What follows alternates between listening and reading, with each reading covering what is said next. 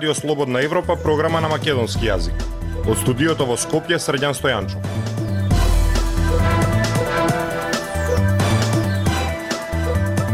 Го слушате неделното интервју на Радио Слободна Европа, почитувани. Наш денешен гостин е Васко Наумовски, универзитетски професор, поранешен амбасадор на Македонија во Вашингтон и поранешен вице-премиер за евроинтеграции. Ако бугарското вето продолжи и после самитот на 23 јуни, многу ќе биде тешко да се одржи мотивацијата за продолжување на реформите, и кај власта, и кај администрацијата, вели тој. Според него има мали шанси Бугарија да го повлече ветото, но надеж дава зголемениот интерес за прашањето на председателот на Франција Емануел Макрон, германскиот канцелар Олаф Шолц и високи американски представници. Слушајте не. Господине Наумовски, ако македонското патување кон Европската Унија е пат од Скопје до Брисел, во 2009 сме стигнале до Будимпешта, а во 2010 до Виена. Ова е ваша изјава дадена како вице-премиер во 2010 година. Како тогаш македонскиот пат кон Европската Унија 12 години подоцна заглави во Софија? Доколку ги анализираме сите процеси во изминатите десетина години, може лесно да се заклучи дека и поддршката за Европската Унија што имавме помеѓу граѓаните, а и суштината на реформите и нивниот успех беше поголема пред повеќе години отколку што тоа е во последните 2-3 години. Имено анкетите и истражувањата на јавното мислење што се правеа во тој период покажува исклучително висока поддршка меѓу граѓаните, нешто што не е случај сега. И дополнително оценките што ги добивавме од самата Европска комисија и од останатите европски институции во соодветните извештаи демонстрира видлив напредок во повеќе области. За разлика од тој период, ние во изминатите две или три години имаме еден период на стагнација не само на нашиот формален пат кон полноправното членство, туку и период на стагнација во реформите, што е констатирано не само од извештаите на Европската Унија, туку и во извештаите на останати меѓународни организации. И тука аз го гледам најголемиот предизвик за актуелната власт, тоа е како да ги врати реформите на собствената агенда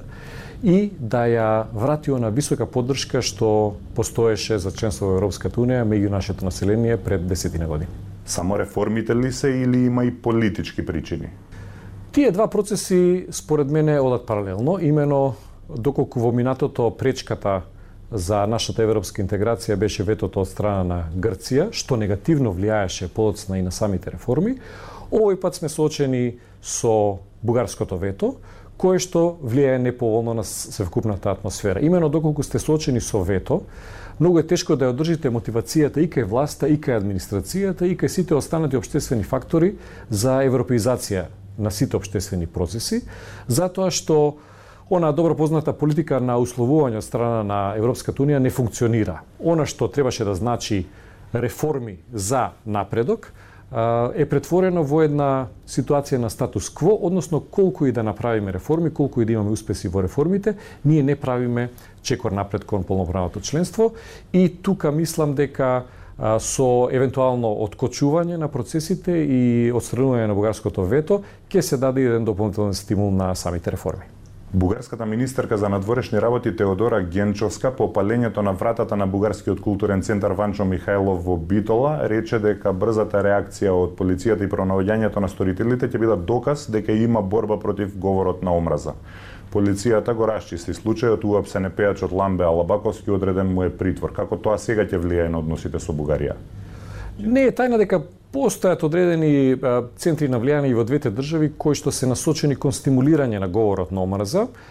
Некако ние ми се чини дека дозволивме бугарската страна постојано нас да не обвинува дека во Македонија постои говор на омраза кон Бугарија, а се занемеруваат сите оние случаи на говор на омраза кон Македонија кои што постојат во бугарското општество и кои што се длабоко вкоренети не само во нивните институции, туку и во останатите делови на општеството. Оттаму Сметам дека и двете влади станаа свесни дека треба да се спротистават на случаи кои што можат да се толкуваат како говор на омраза на двете страни и да не дозволат тие да ги попречат разговорите.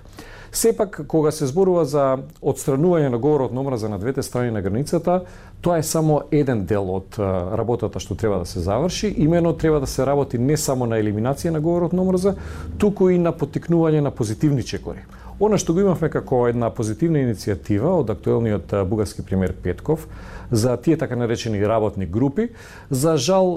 замре како процес, односно таа идеја не ги даде посекуваните резултати, иако имаше потенцијал тоа да се оствари. Се чини дека и самиот премиер Петков на некој начин стана заложник на така наречената длабока држава во Бугарија, која што се противи на добрососедството со Македонија, а со тоа е пречка и за нашата европска интеграција. Дополнително тука се и неговите проблеми во коалицијата, проблемите во комуникацијата и односот со председателот Радев, зашто верувам дека ќе биде потребен еден дополнителен напор од страна на останатите европски партнери, европските институции, како и од страна на Соединените Американски држави, доколку сакаме да создадеме некаков потенцијал за пробив во наредните неколку недели колка ви се шансите за повлекување на бугарското вето за почетокот на преговори на Македонија со Европската Унија? Гледаме дека во изминатите неколку недели има засилена активност од страна на француското председателство, после крајот на председателските избори во Франција, личен ангажман на председателот Макрон, ангажман од страна на високи представници во американската администрација, директна комуникација со председателот Радов, со премиерите на двете држави, како и еден засилен ангажман на останатите европски партнери, најавена и посета на германскиот канцелар Шолц и на Скопје и на Софија, со што верувам дека ќе се направи обид да се исцрпат сите можности да се направи пробив.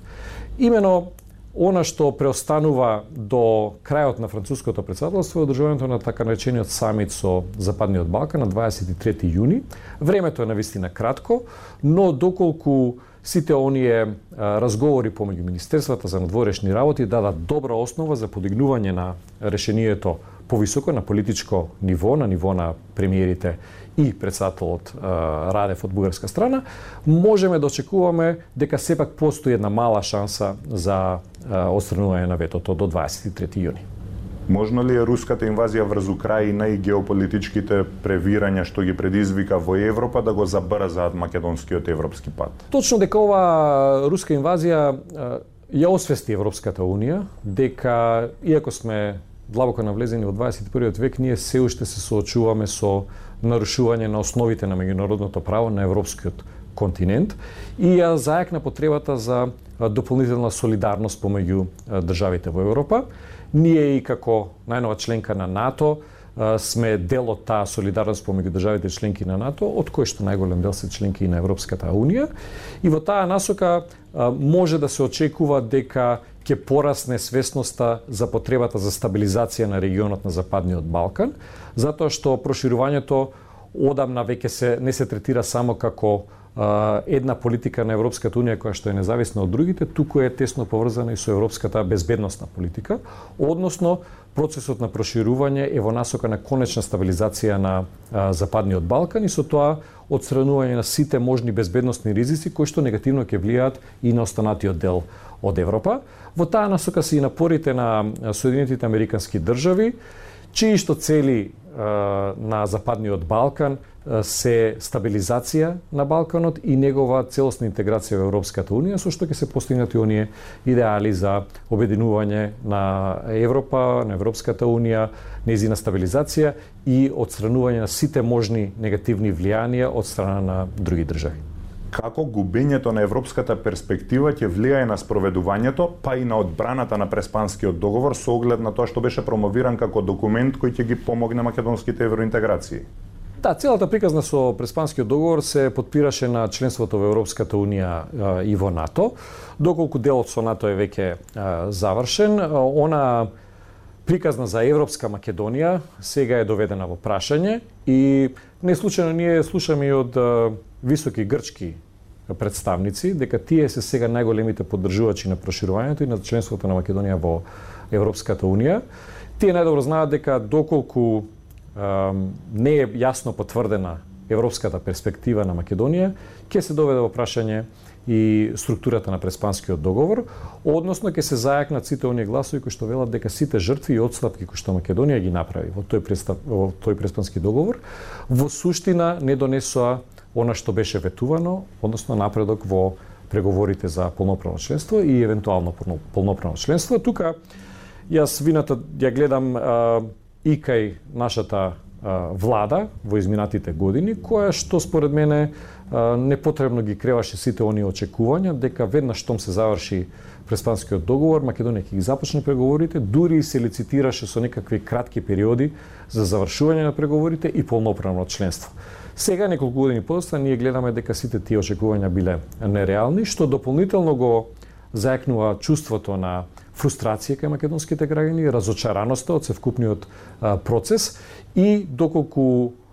не е јасна оваа европска перспектива, сметам дека ќе се заекнат сите оние тези дека преспанскиот договор може би треба да претрпи одредена адаптација. Можно ли е стратешкиот диалог со Соединетите Американски држави да ги компензира закочените евроинтеграции? Сведоци сме дека секогаш кога Европската Унија нема да биде во состојба да испорача дел од своите ветувања, конкретно во областа на проширувањето.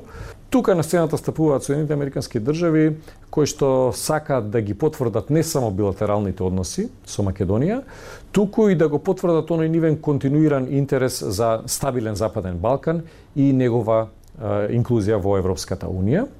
Овој стратешки диалог представува една потврда на добрите односи помеѓу двете држави кои што сега се и партнери во НАТО, да отвори нови области на соработка кои што досега не биле доволно искористени, односно потенцијалот во областа на економијата, образованието, културата и некои други области да биде целосно искористен и на тој начин да се потврди дека Македонија сепак има пријатели на меѓународната сцена, дека Соединените Американски држави не само како партнери во НАТО, туку и на билатерално ниво се подготвени да ја покажат сета она позитивна енергија и потврда на добрите билатерални односи, секако дека тоа не е компензација за почетокот на преговорите, меѓутоа добрите билатерални односи со САД можат да отворат нови потенцијали и да предизвика дополнителни придобивки во нашата економија и во другите области кои што ги споменавме и на тој начин да се компензираат евентуално дел од загубите што ги трпиме со непочнувањето на преговорите. Откако балканските држави не му дозволија прелет на авионот на рускиот министер за надворешни работи Сергеј Лавров и тој ја откажа посетата на Белград, Лавров рече дека НАТО и Европската Унија сакаат да направат затворен Балкан. Некои тоа го протолкуваа како смртоносен бакнеж за иницијативата Отворен Балкан. Како вие гледате на тоа? Мислам дека од страна на Руската Федерација, па и од страна на некои други центри, на некој начин се пренагласи улогата на Македонија во целата оваа ситуација. Имено нашиот воздушен простор не може да биде клучен за допатувањето на рускиот министер за надворешни на Белград, знаејќи дека одлуката за забрана на прелет на руски воздухоплови е усвоена пред повеќе месеци со самиот почеток на руската агресија врз Украина и соседните држави на Србија, преку кои што евентуално би можел да допатува а, рускиот министер, а, веќе ги има затворено своите воздушни пространства за руските воздухоплови, а нашата држава, заедно со Албанија и Црна Гора, одамна ги имаше усогласено своите позиции со оваа позиција на Европската Унија. Имено рускиот министер за надворешни работи би можел да допатува до српскиот воздушен простор и од друга страна, а не само од Македонија или од а, Албанија. Сметам дека со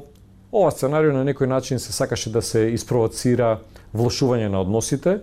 помеѓу Србија и низините соседи, а во контекст на подобрувањето на односите кои што веќе постои меѓу другото и со иницијативата Отворен Балкан. Ова иницијатива за која што и деновиве имаше одреден напредок на самитот што се одржа кај нас е нешто што може позитивно да влијае пред се на економиите на нашите две држави, особено во ситуација кога нашата европска перспектива не е најјасна и не е тајна дека проширувањето на Европската Унија и стабилизацијата на Балканот не секогаш е во согласност со целите на надворешните политики на некои други центри. Ви благодарам за издвоеното време. Благодарам и вам. Го слушавте неделното интервју со поранешниот вице-премиер за евроинтеграција Васко Наумовски, почитувани. Од студиото во Скопје со вас беа продуцентот Дејан Балаловски и Срđан Стојанчо. До слушање.